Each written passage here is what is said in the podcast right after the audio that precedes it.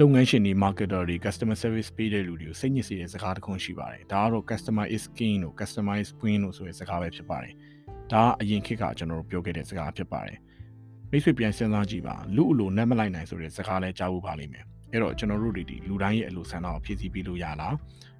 နောက်ပြီးတော့ဒီ customer is king customer is queen ဆိုတာ man လားဆိုတဲ့အပိုင်းလေးကိုကျွန်တော်ပြန်လဲစမ်းစစ်ကြပါမယ် အားလုံးမင်္ဂလာပါကျွန်တော်ဖြူပိုင်ပါကုမ္ပဏီနဲ့ working professional တွေရဲ့ productivity နဲ့ profit ကိုတိုးတက်အောင်ကူညီပေးနေတဲ့ marketing trainer and consultant တယောက်ဖြစ်ပါတယ်ကျွန်တော်တို့လုပ်ငန်းမှာအများစုလုပ်ငန်းရှင်တွေဒုက္ခပေးတဲ့အယူဆတစ်ခုကတော့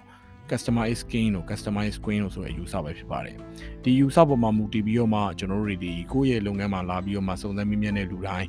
လူတိုင်းရဲ့အလိုဆန္ဒကိုဖြည့်ဆည်းပေးဖို့ကြိုးစားကြတယ်အဲ့ဒီအချိန်မှာဆိုရင်တချို့လူတွေကိုတော့ဖြည့်ဆည်းပေးလို့ရမယ်တချို့လူတွေကိုကြတော့မရတာမျိုးတွေခဏခဏကြုံတွေ့ရပါလိမ့်မယ်အဲ့ဒီထဲမှာမှတချို့ customer တွေကကို complaint တက်တာ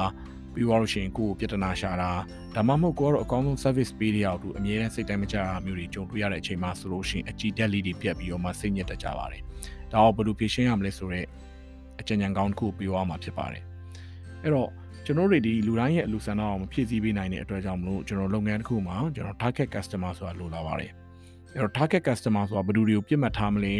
ဘယ် customer တွေရဲ့လိုအပ်ချက်တွေကိုအကောင်းဆုံးဖြည့်ဆည်းပေးမလဲဘယ် customer တွေရဲ့လိုအပ်ချက်တွေလိုချင်မှုတွေတို့ရဲ့ပြဿနာတွေကိုပြိုင်ဘက်တွေထက်ပိုကောင်းဖြည့်ဆည်းပေးမလဲဆိုတာကိုကျွန်တော်တို့လုပ်ဆောင်ရပါတယ်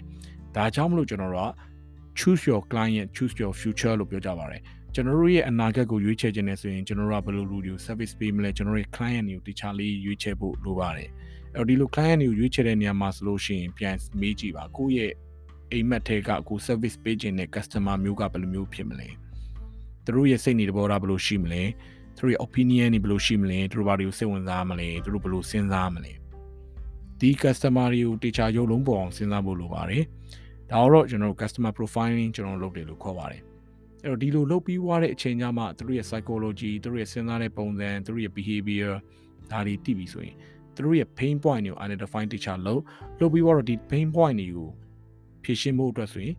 ကျွန်တော်တို့ကတခြား value proposition design ဆိုတာကျွန်တော်လုပ်ရပါတယ်ကျွန်တော်တို့ရောင်းတဲ့ကုန်ပစ္စည်းတွေဘယ်လိုတွေအတွက်လဲဘယ်လိုတွေအတွက်မဟုတ်ဘူးလဲဆိုတော့ကျွန်တော်သိရပါမယ်တကယ်လို့ကိုက budget ဝယ်ဖို့အတွက်စဉ်းစားနေရဆိုလို့ရှိရင်တော့ Apple computer ကိုတော့ဟုတ်ချင်မဟုတ်ပါလိမ့်မယ် အလားတူပဲကျွန်တော်တို့က design လာပပြီးတော့မှတကယ်ကို high end ကျွန်တော်ကွန်ပျူတာဝယ်မယ်ဆိုလို့ရှိရင်တော့ကျွန်တော်တို့တချို့ကွန်ပျူတာတွေကကိုယ်တော့ဟုတ်ချင်မှဟုတ်ပါလိမ့်မယ်။ဘာကြောင့်မလို့လဲဆိုရင်ကျွန်တော်တို့ marketing လုပ်တဲ့အချိန်ကလေးကကိုယ့်ရဲ့ product ကဘယ်လိုတွေအတွက်လဲဘယ်လိုတွေအတွက်မဟုတ်ဘူးလဲဆိုတော့တေချာလီ expectation management ကျွန်တော်လုပ်ရပါတယ်။ပြောရမယ်ဆိုရင်လူတိုင်းရဲ့အလိုဆန္ဒကိုဖြည့်ဆည်းပေးဖို့အတွက်မလုပ်ပါနဲ့။လူတိုင်းကိုရောင်းကျင်စိတ်ကိုဖျောက်ပါ။ကျွန်တော်တို့ marketing ကဒီနေ့ခေတ်မှာ winning formula ဆိုတာတဲ့ failing formula ရှိပါတယ် failing formula ကတော့ set Godin ပြောလို့ပဲ marketing guru ကြီးပြောခဲ့တယ်လို့ creating every step for average people တာမန်လူတွေအတွက်တာမန်ကုန်ပစ္စည်းတွေ